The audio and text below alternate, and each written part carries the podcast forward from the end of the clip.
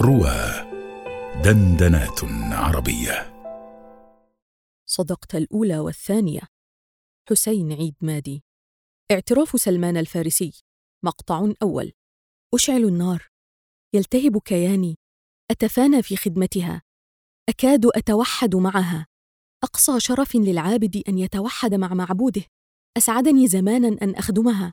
لكن هذا لا يكفيني. يتجمع وجه أبي الضخم. يتشكل على ألسنة النيران. أذكره يهمس للجيران. ولدي سلمان شاب رائع يختلف عن أقرانه. لولا بعض الأفكار الغريبة المتسلطة على ذهنه لعشنا معا بثروتي الضخمة في سعادة غامرة. لو يهجر أفكاره لو أكتب في اليوم الثالث من سجني في البيت. كنت في مهمة كلفني بها أبي وهو نادرا ما يفعل. فمررت في طريقي بمعبد وقفت أنصت لا بالبطر والسكر لا بالخصام والحسد وليكن بالله إيمانك. ناقشت أبي فيما سمعته. حبسني بالبيت لكن طريقي الآن واضح. وجهتي الشام كي أتعرف أصل الدين. اتصلت منذ يومين ببعض التجار ليرتبوا لي أمر رحيلي للشام. مقطع من اعترافات الشام. وصلت الشام منذ شهور. تعرفت برجل جليل. أحببت هذا الأسقف المختار. ما رأيت مثله زاهدا من قبل. حضره الموت. فأوصاني برجل مثله بالموصل. اعتراف نصيبين. ظمئي يزداد. أسئلتي تزداد. ورجل نصيبين الطيب يخطفه الموت فجأة. فيأمرني في الرمق الأخير أن ألحق برجل آخر بعمورية بأرض الروم. اعتراف عمورية الخطير. أسجل هنا اللحظات الأخيرة في حياة هذا الرجل الرائع. إنه يجمع بين أمور الدنيا والدين. بدأت على يديه بعد طول الزهد أعيش رغد الحياة الحلال. فأمتلك ثروة خلال شهور قليلة. يفتح الآن الرجل الفاضل عينيه. يحملق فيه. يرقب حزني واستفساري الصامت. يتطلع إلى الفراغ. كمن يستلهم رؤى غامضة. يهمس بصوت خافت.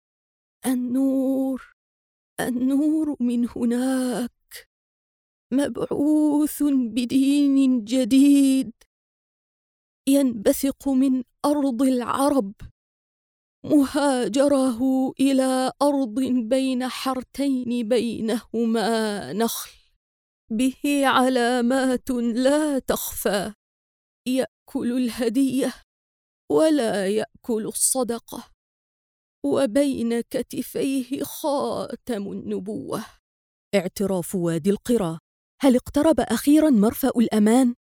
ليستقر الطير المهاجر رغم ظلم بني الإنسان. لكن كيف وصلت وادي القرى؟ وأنا أنشد أرض النبوءة. اتفقت مع تجار من كلب على أن يوصلوني مقابل ما أملك لكنهم خانوا العهد.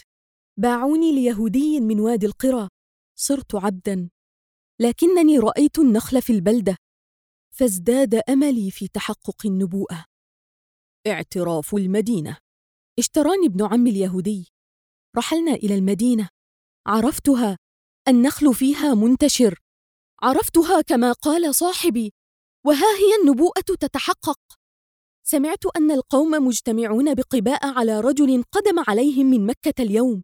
يقولون إنه نبي واسمه محمد. ذهبت إلى النبي بقباء. انشرح صدري لرؤيته مع أصحابه. قدمت له الصدقة التي جمعتها. فقال لأصحابه كلوا. وأمسك فلم يأكل.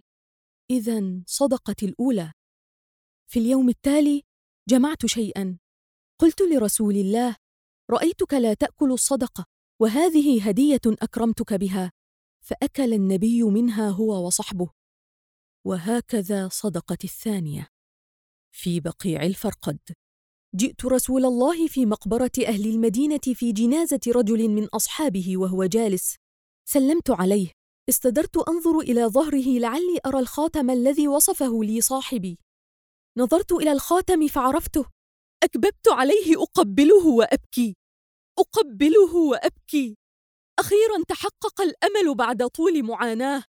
ظهر الحق وأسلمت على يديه. ملحوظة الختام. أعان رسول الله والصحابة سلمان الفارسي حتى صار حرا. فشهد الخندق واستمر قويا في الإسلام.